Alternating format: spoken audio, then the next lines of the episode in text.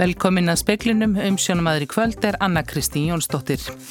Félagar í eblingu sem starfa hjá fimm sveitarfélagum á Suðvesturhóttninu samþygt í dag verkfall með miklum meiri hluta. Verkfalli bóðað á hádegi á þriðju dag í næstu viku hefur meðal annars áhrif á starfi grunnskólum og hjókrunaheimilum.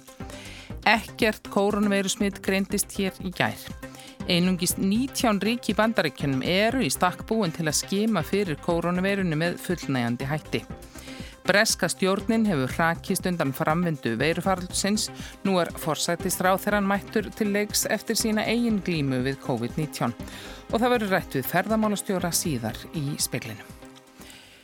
Félagsmenn eblingar hjá Kópavóksbæ, Seltjarnanesi, Mósfellsbæ, Hveragerði og Sveitarfélaginu Ölfusi samþyktu verkvallsbóðun í atkvæðagreislu sem lög í dag. Í fréttatilkynningu frá eblingu segir að verkvall hafi verið samþykt með yfir gnæfandi meiri hluta atkvæða.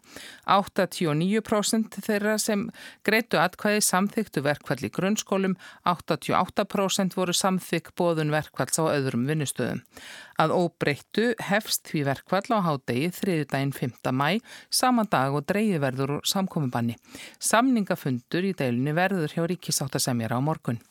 Gerð er krafa um sambarilegar kjarabætur og þær sem samið var um milli eblingar og Reykjavíkuborgar og ríkis, en í tilkynningunni segir að engar kröfur séu gerðar umfram það. Samninganemnd eblingar frestaði verkvallsaðgerum meðan kórunveiru faraldurinn stóð sem hæst í mars, en gaf þá út að gengið eru til atkvæða á ný um framhaldverkvals eftir páska. Haft er eftir sólvegu önnu Jónsdóttur formann eblingar að niðurstöðnar séu magnaðar, veiru faraldur eða ekki, eblingar fólk láti ekki kúa sig til hlýðni. Rætt verður við sólvegu í sjónvarpsfréttum klukkan sjö. Ekkert kórónuveiru smitt greindist helendis í gær. 93% allra sem vext hafa af COVID-19 helendis er batnað. Engin er í öndunavél vegna sjúkdómsins.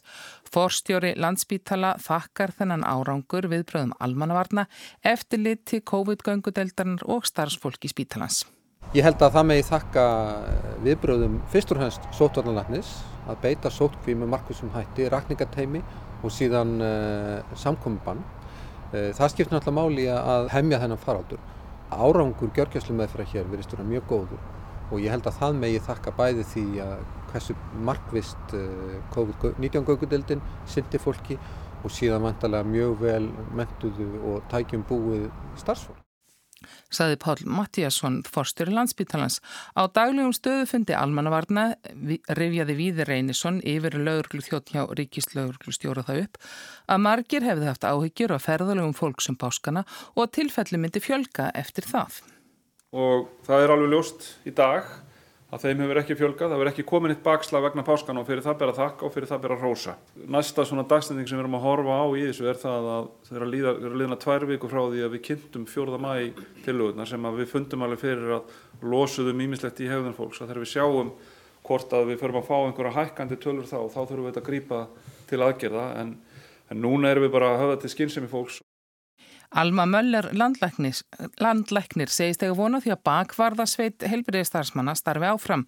Hún komi til dæmis að því að vinna niður byggðlista sem hafa myndast vegna valkvæðra aðgerða. Það er ennþá bakverðir að stöðrum fyrir vestan og hefur auðvitað verið bara líkilatriði að þeir getu synd sínu. Það er ekki búið að taka ákvörðun en mér finnst að hún eigi að vera áfram til staðar. Við þurfum að geta veitt sumafrí og annað og, og hérna líka verið viðbúnaði þannig að ég held að sé mikilvægt að hún verði til í, í einhverju mynd. Ekkert nýtt smitt greindist á vestfjörðum síðustu fjóra daga. Tilstændur að aflétta þeim hörðu aðgerðum sem hafa verið gildi í Bólungavík og á Ísafyrði fjórða mæ en ekki með sama hætti á annar staðar á landinu. Samkomi bannið miðast þá við 20 manns fyrir vestan en ekki 50 og öll starfsemi sem krefst snertingar eða mikildar nálaðar verður áfram og heimil. Verður þetta gildi til 10. mæ þar sem talið er mikilvægt að núverandi aðgerðum verður aflétt hægt. Þetta kemur fram á Facebook síðu lauruglunar á vestfjörðum, aðgerðarstjórn almannavarna, átti fund með landlækni, sóttvarnalækni og almannavarnadeild ríkislauruglustjóri í morgun þar sem þetta var ákveðið. Samningafundi flugfreyju félags Íslands og Æslandir laug síðdeis án árangus. Guðlaug Línei Jóhannsdóttir, formaður flugfreyju félagsins, vill ekkert tjá sig um gangviðrana, segir að samningamenn séu í fjölmiðlabanni. Telur ó, þó ólíklegt að nái að semjast fyrir mánaðamót. Næsti fundur er bóðaður á miðugudags morgun. Guðlaug rekna með því að Æslandir tilkynum umfang yfirvofandi hóp uppsagna á morgun eða miðugudag. Æslandir hefur haft samráð við fóristu stjættarfélaga þeirra sem sagt verður upp eins og lög gerir ráð fyrir um hópuppsagnir en Guðlaug segist bundin trúnaði um málið. Meiri hlutin í Hafnafyrði vil selja 15% hlut bæjarins í HS veitum til að bregðast við fyrir sjáanlegum halla vegna COVID-19. Rósa Guðbjörnsdóttir bæjarstjóri í Hafnafyrði segir að salan velta því hvort viðunandi verð fáist fyrir hlutin. Það blasir við, eh, sangvært þeim sviðsmyndum sem við erum að vinna með núna, að þessu áru og því næsta verði að minnst að kosti 5-6 miljardar tap gat til að fylla upp í og það gefur auga leið að til þess að halda reksturinnum gangandi og þeim frangandi sem við viljum hafa í gangi að þá þurfum við að leita allra leiða til þess að fá fjármagninn og þetta er einn leiðin. Við erum fyrst og fremst að skoða hvað við fáum fyrir og við seljum ekki nema við séum algjörlega fullvissum það að, að það sé hagstætt og við fáum ásattalegt verð fyrir. Segir Rósa.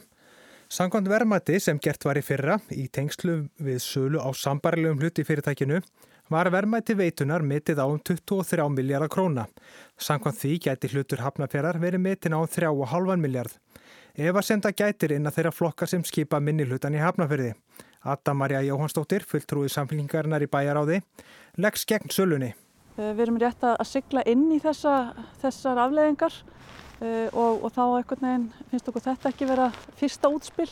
Stóðsvið bæjarins eru búin að vera að vinna heilmikla vinnu meðal annars að horfa til hvar megi mögulega að spara uh, og þá eitthvað nefn þetta eftir svona í mínum huga og það er okkar mat að vera frekar svona nöyðar úræði heldur en að, að byrja strax á, á þessu og mér finnst það kannski ekki heldur sína mikla tiltrú á, á samflokksfólki þeirra hér í meðlutunum á, á sínu fólki í ríkistjórn um að það komi mögulega eitthvað þaðan til sveitafélagana. Sagði Adda Maria Jóhannsdóttir, Magnús Geir Eyjálsson tók saman. Einungis 19 ríki í bandaríkjunum eru í stakkbúin til að skima fyrir kórunveirunni sem veldur COVID-19 með fullnægandi hætti. Donald Trump fórseti bandaríkjana hefur líst því yfir að skimunin gangi vel.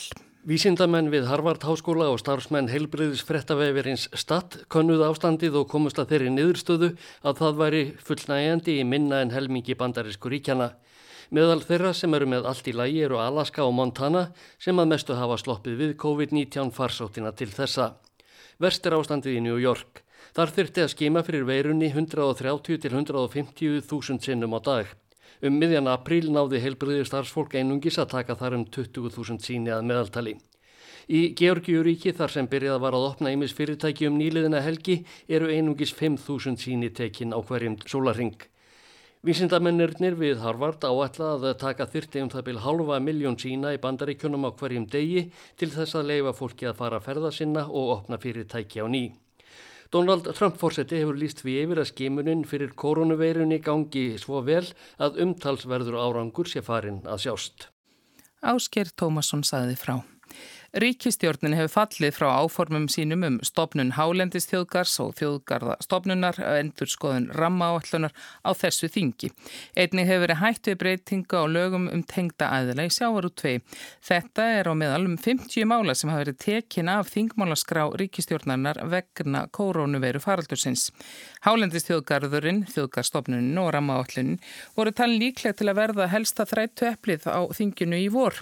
Umhverfis ráð þeirra bóðaði frumvörp þessu tengd í mars en þau hafa nú verið sett í salt. Mannanafna nefnd og nafnalögur líka mál sem hefur verið frestað en frumvarp dómsmálar á þeirra um sölu áfengis á netinu er enn á þingmálaskráni og þeirra hefur hætt við í bíli þingsálugtuna tilugu um mentastefnu til ásins 2030.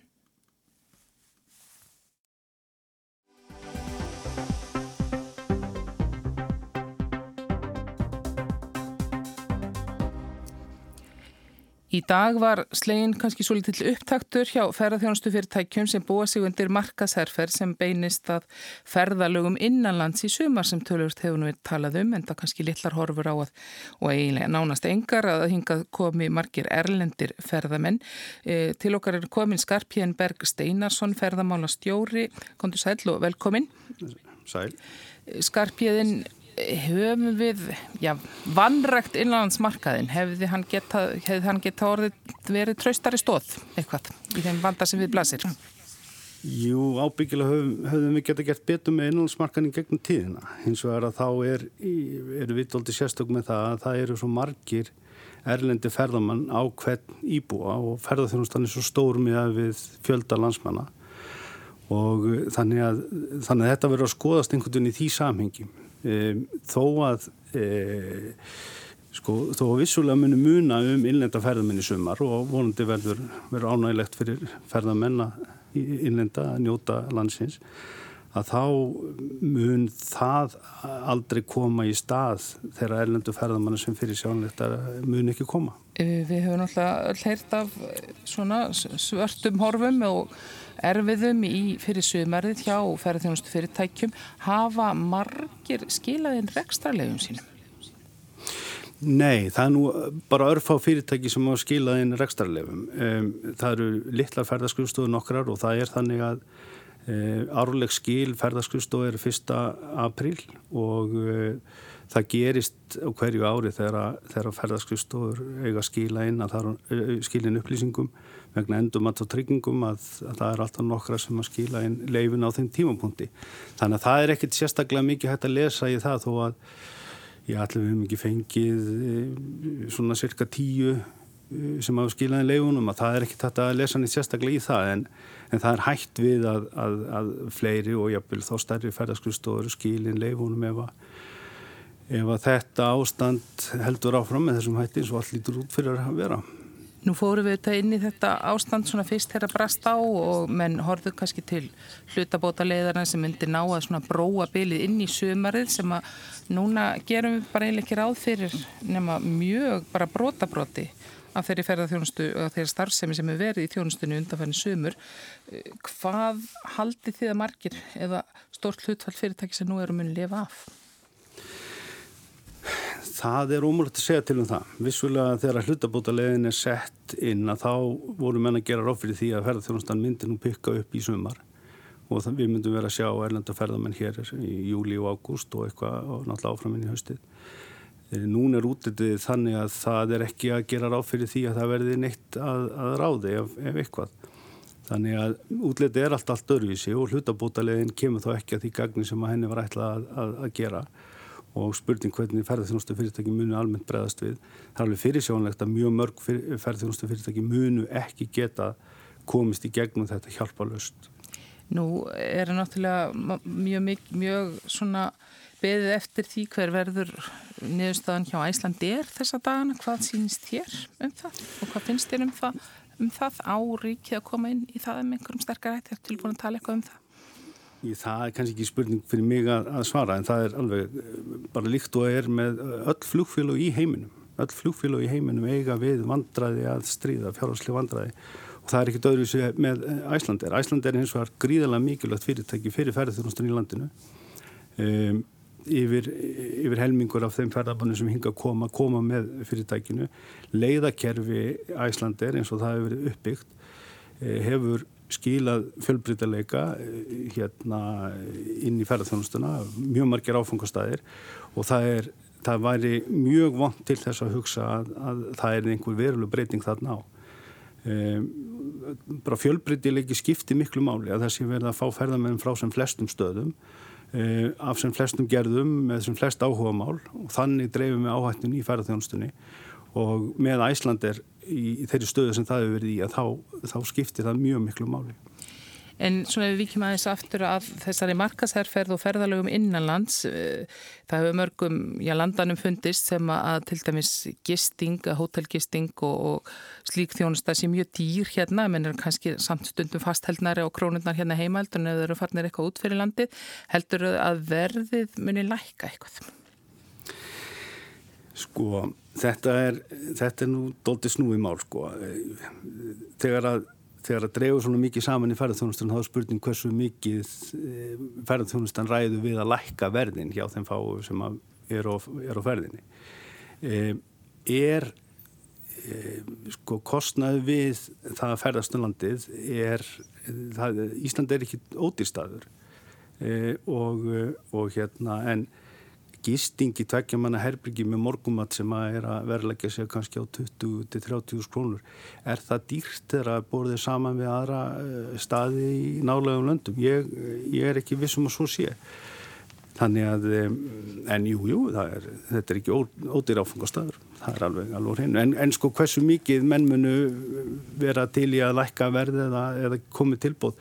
Við vonumst til þess og, og sjáum all merkið þess að innan ferðarþjónusta muni vera mjög virk í samstarfi e, í þessu innanlandsátaki. Það er mjög mikill áhugi. Það eru, það eru hundruður af fyrirtækin sem eru uppfæra upplýsingar um sig á, í gagningurinn ferðarmálastofu og gera klárt fyrir þetta innanlandsáttak og, og hérna ég held að við hefum fengið fjögur að 500 pósta, hérna tölvupósta með uppfæslu á upplýsingum bara undanförnum örfáum dögum, þannig að þetta skiptir mjög miklu máli og það er greinlega mikill áhuga á þessu.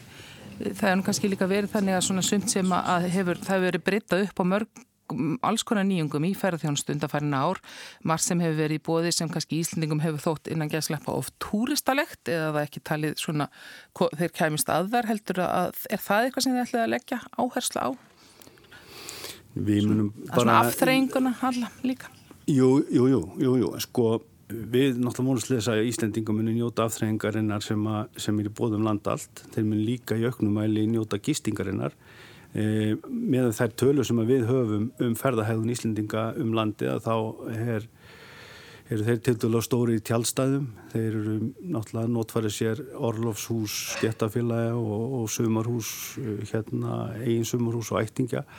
E, gista hjá ættingum á ferðalögum landi þannig að, þannig að til þessa hafa þeir ekki verið mjög stórir í gistingu e, á hótelum og gistaheimilum en, e, en hérna við vonum að það verið breyting þar á. Eh, líka veitingahús eh, og, og öll, já, öll afþreng þannig að það er allt eh, verða að leggja áherslu á allt þetta og, og, og það sem er gengið út frá þessu, þessu kynningarátæki er það að, að hérna, áfangastæðin um all land séu að, að hérna, vekja aðtekla á sér. Það sé verða að vekja aðtekla á þeirri fjölbrötu þjónustu sem er í gangi út um all land.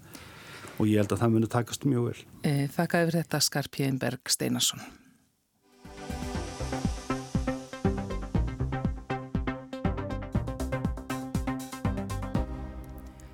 Bóris Jónsson, forsættistráð þeirra bretta, er mættur í vinnina eftir hann vektist ítla af COVID-19 veirunni.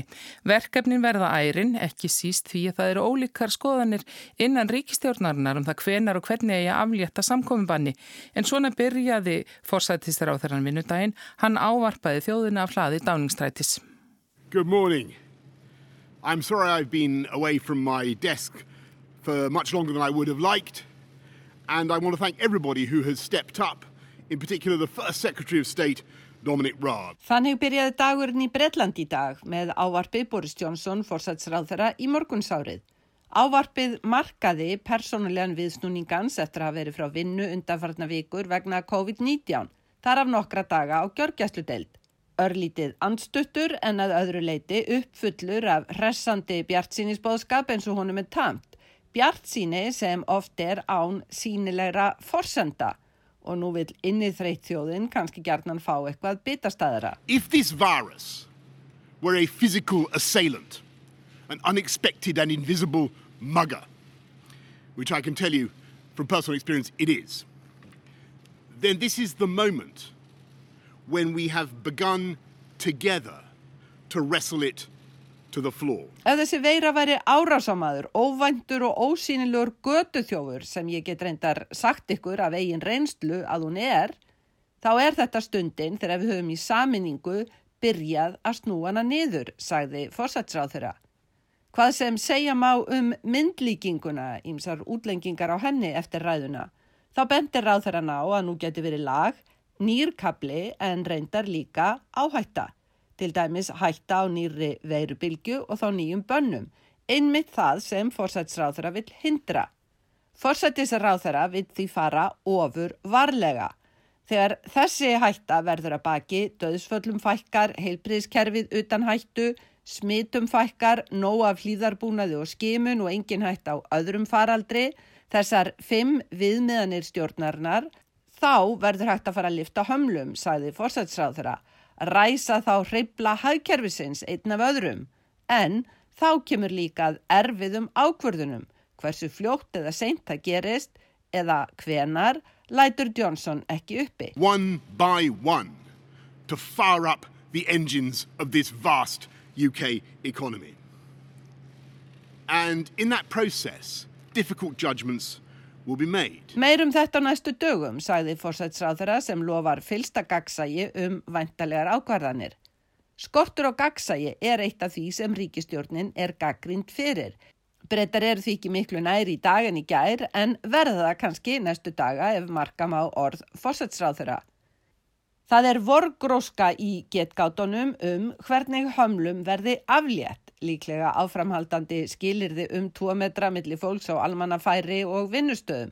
Einhugmyndin er að eldra fólk einangri sig áfram sem annar fram rattir um aldursmismunum. Einnig rætt að einstakir landslutar lúti mismunandi hamlum í samræmi við tíðni verusmita.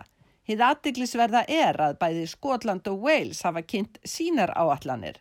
Þetta ergir mjög ríkistjórnina sem vil halda landinu samstíga. Ímser hafðu velt fyrir sér að fórsætsráð þeirra yrði kannski breyttur maður eftir að hafa verið við dauðan styr. Það var þó ekkert sem bendi til verulegra sinnaskipta í morgunávarpinu. Hann nefndi afreikstjórnarnar sem hefði haldið hlífiskildi yfir heilbriðskerfinu og heilbriðstjettunum. Ímsir telja að orðið afreg sé ekki við hæfi í þessu sambandi því veiruváin hefur gert mun meiri usla í Breitlandi en í ímsum nágrannlöndum. Forsætsráð þeirra nefndi heldur ekki harða gaggrinni heilbriðstjetta sem telja mitt að stjórnin hefði ekki skilt þeim sem skildi.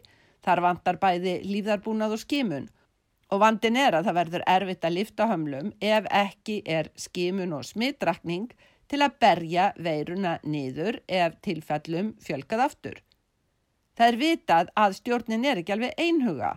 Matt Hancock, heilbreyðisráðara, verðist á samamáli og fórsætsráðara vill í engu fara sér óðslega. Rísi Súnak, fjármálráðara, og sér einnig stuðningsmenn sem eru langgegir eftir áallun um að losa aðtunulífið úr hamlum.